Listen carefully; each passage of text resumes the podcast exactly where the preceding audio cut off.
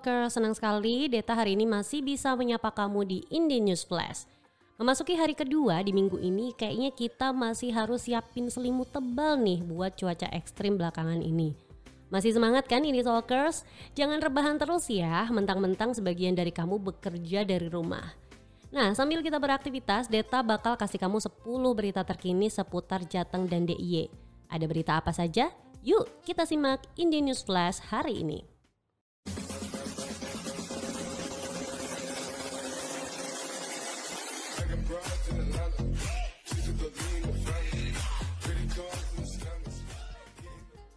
Berita pertama, ajak warga lunas PBB, Desa Karangrejo beri hadiah sapi.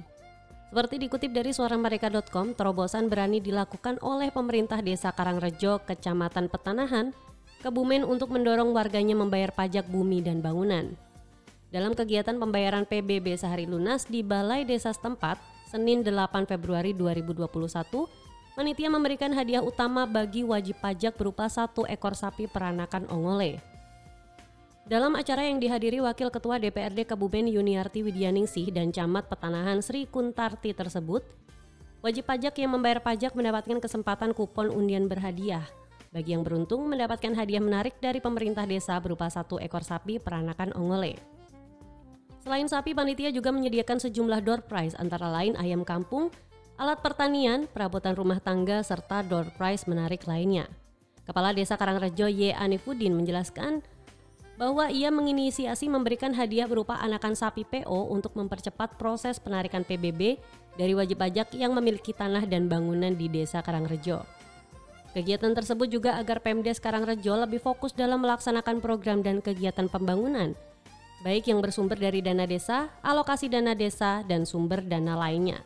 Wah, terobosan baru ya yang ditolakers. Kayaknya kalau hadiahnya satu ekor sapi bakalan banyak deh warga desa yang mau bayar pajak Nah, kira-kira ada ide unik apa lagi nih? Kalau kamu dapat hadiah sapi, mau kalian apa ini di Talkers? Dijual lagi atau langsung jadi sate nih? Berita kedua.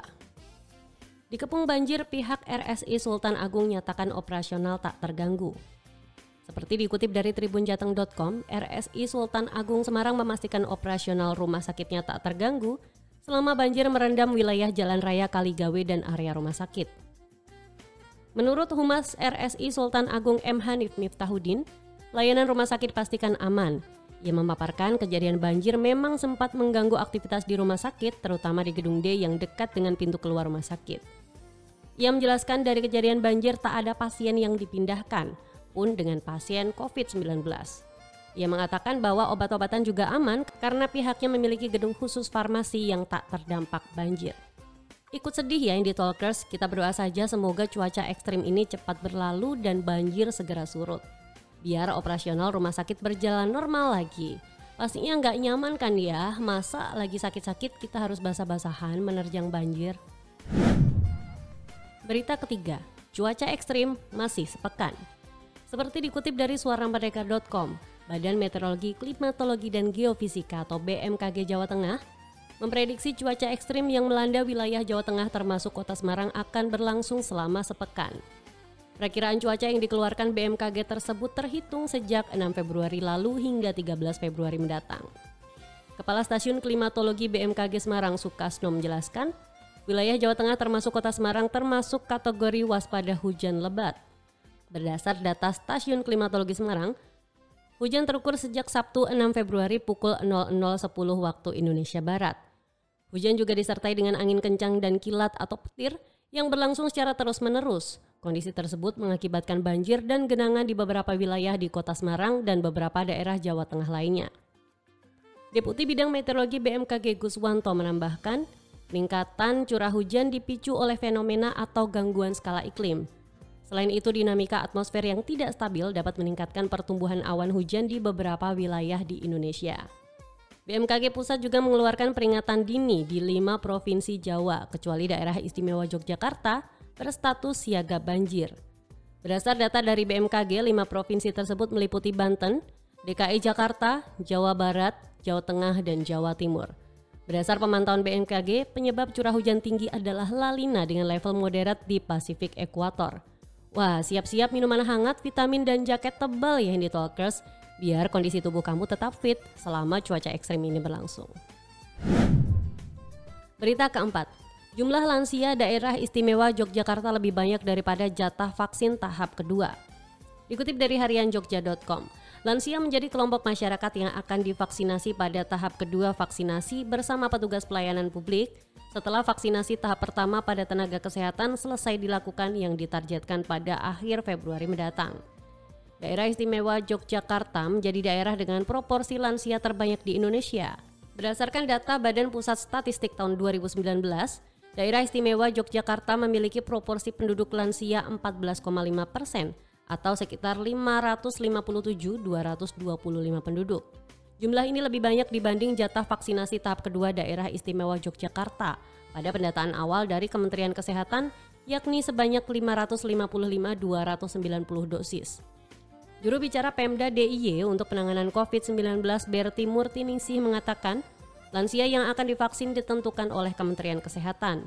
Dalam vaksinasi juga akan dilakukan proses screening kesehatan yang akan memastikan kondisi kesehatan penerima vaksin memungkinkan untuk divaksinasi. Nah, vaksin tahap kedua ini setelah tenaga medis adalah petugas pelayanan publik dan lansia nih di Talkers. Buat kamu yang masih produktif, harap sabar ya. Perbanyak olahraga, makan sayur dan buah serta vitamin supaya daya tahan tubuh kamu tetap terjaga. Berita kelima, Dinkes Palembang gandeng Gojek kirim obat dan surat rujukan ke rumah pasien. Seperti dikutip dari detik.com, Dinas Kesehatan Kota Palembang menggandeng Gojek untuk mempermudah masyarakat mendapatkan obat-obatan yang dikeluarkan oleh sejumlah puskesmas.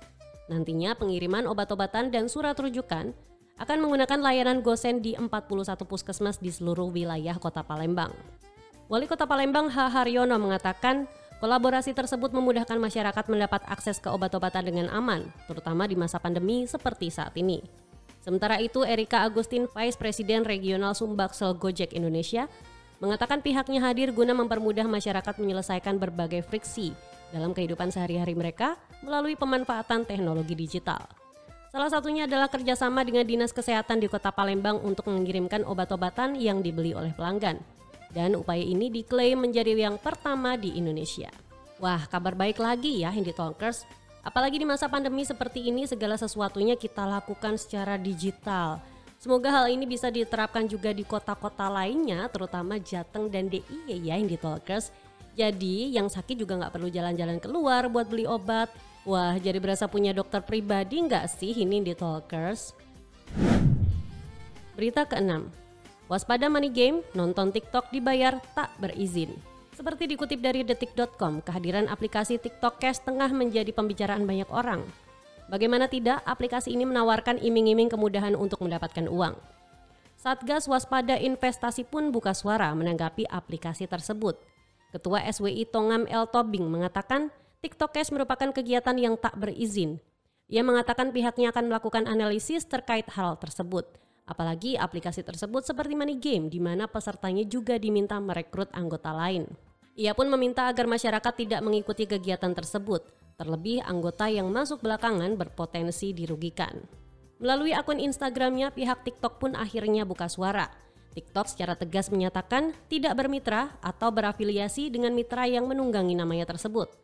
TikTok pun berharap agar para pengguna internet Indonesia berhati-hati dengan janji surga yang ditawarkan. Wah, hati-hati ya Indie Talkers. Memang di masa pandemi seperti ini semua orang lagi susah.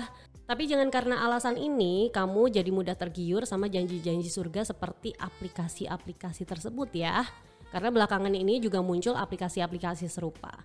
Nah, kalau kamu mau mendapatkan hasil yang besar, ya harus dengan kerja nyata. Kecuali kamu anak sultan sih. Berita ketujuh, polisi awasi pelaksanaan PPKM Mikro di Seragen. Seperti dikutip dari solopos.com, Kapolres Ragen AKBP Yuswanto Ardi meminta anggotanya turut mengawasi pemberlakuan pembatasan kegiatan masyarakat atau PPKM di tingkat mikro dalam rangka mencegah potensi penularan COVID-19. Kapolres Ragen menjelaskan PPKM Mikro menyasar kelompok terkecil dalam masyarakat di tingkat desa. Ia berharap personelnya dapat bersinergi dengan Satgas COVID-19 di tingkat desa untuk memerangi virus corona. Kapolres mengakui belum ada petunjuk yang lebih spesifik dari pemerintah pusat terkait pelaksanaan PPKM di tingkat mikro. Diberitakan pemerintah menerapkan pemberlakuan pembatasan kegiatan masyarakat atau PPKM berbasis mikro mulai Selasa 9 Februari 2021 hingga Senin 22 Februari 2021. Jumlah aturan pun ditetapkan dalam pelaksanaan PPKM mikro tersebut. Ya, mau apa pun istilahnya, pada intinya tetap sama ya di Talkers. Kita saat ini sudah memasuki era kebiasaan baru nih di Talkers atau biasa kita sebut new normal Ya, mau nggak mau kita kudu adaptasi dengan kebiasaan-kebiasaan baru tersebut. Salah satunya dengan menjaga jarak atau menghindari kerumunan. Berita ke-8. PMI Brebes bantu 3.000 telur asin bagi korban banjir Pekalongan. Seperti dikutip dari suaramerdeka.com, banjir yang melanda kota Pekalongan, Kabupaten Pekalongan dan Batang mendapat respon positif dari PMI Brebes dengan mengirimkan 3.000 butir telur asin. Bantuan diterima Kepala Markas PMI Kota Pekalongan Imron Rosyadi di kantor PMI Kota Pekalongan 8 Februari 2021. Kepala Markas PMI Kota Pekalongan Imron Rosyadi mengatakan banjir kali ini intensitasnya cukup tinggi dan banyak warga mengungsi. Pihaknya bersama Dinas Sosial dan BPBD telah mendirikan dapur umum di beberapa titik tempat pengungsian. Ia menyebut baik dukungan logistik PMI Brebes dalam bentuk telur asin karena telur dalam kondisi matang tinggal disajikan dengan nasi putih. Wena, kok aku jadi lapar ya di Talkers? Jangan-jangan kamu juga nih. Eh, kita ambil sisi positifnya ya. Ternyata memberikan bantuan bisa dilakukan dengan cara apa saja nih di Talkers, sesuai dengan kemampuan kamu masing-masing. Nah, kalau kamu pengen telur asin, kayaknya pasur udah mulai buka lagi deh. Hmm, salted egg sepertinya menggoda ini. Berita ke-9. Rekor baru pasien sembuh dari COVID-19 tembus 13.038.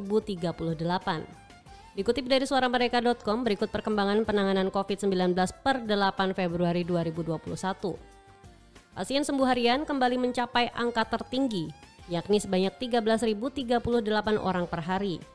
Penambahan hari ini semakin meningkatkan jumlah kesembuhan kumulatif yang mencapai 963.028 orang dengan presentasinya sebesar 82,6 persen.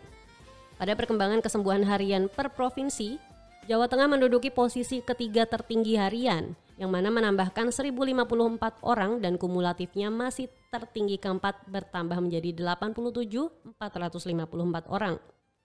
Wah, di tengah makin banyaknya kasus terkonfirmasi positif COVID harian, kita juga harus ikut seneng ya Hindi Talkers karena jumlah yang sembuh pun juga semakin banyak.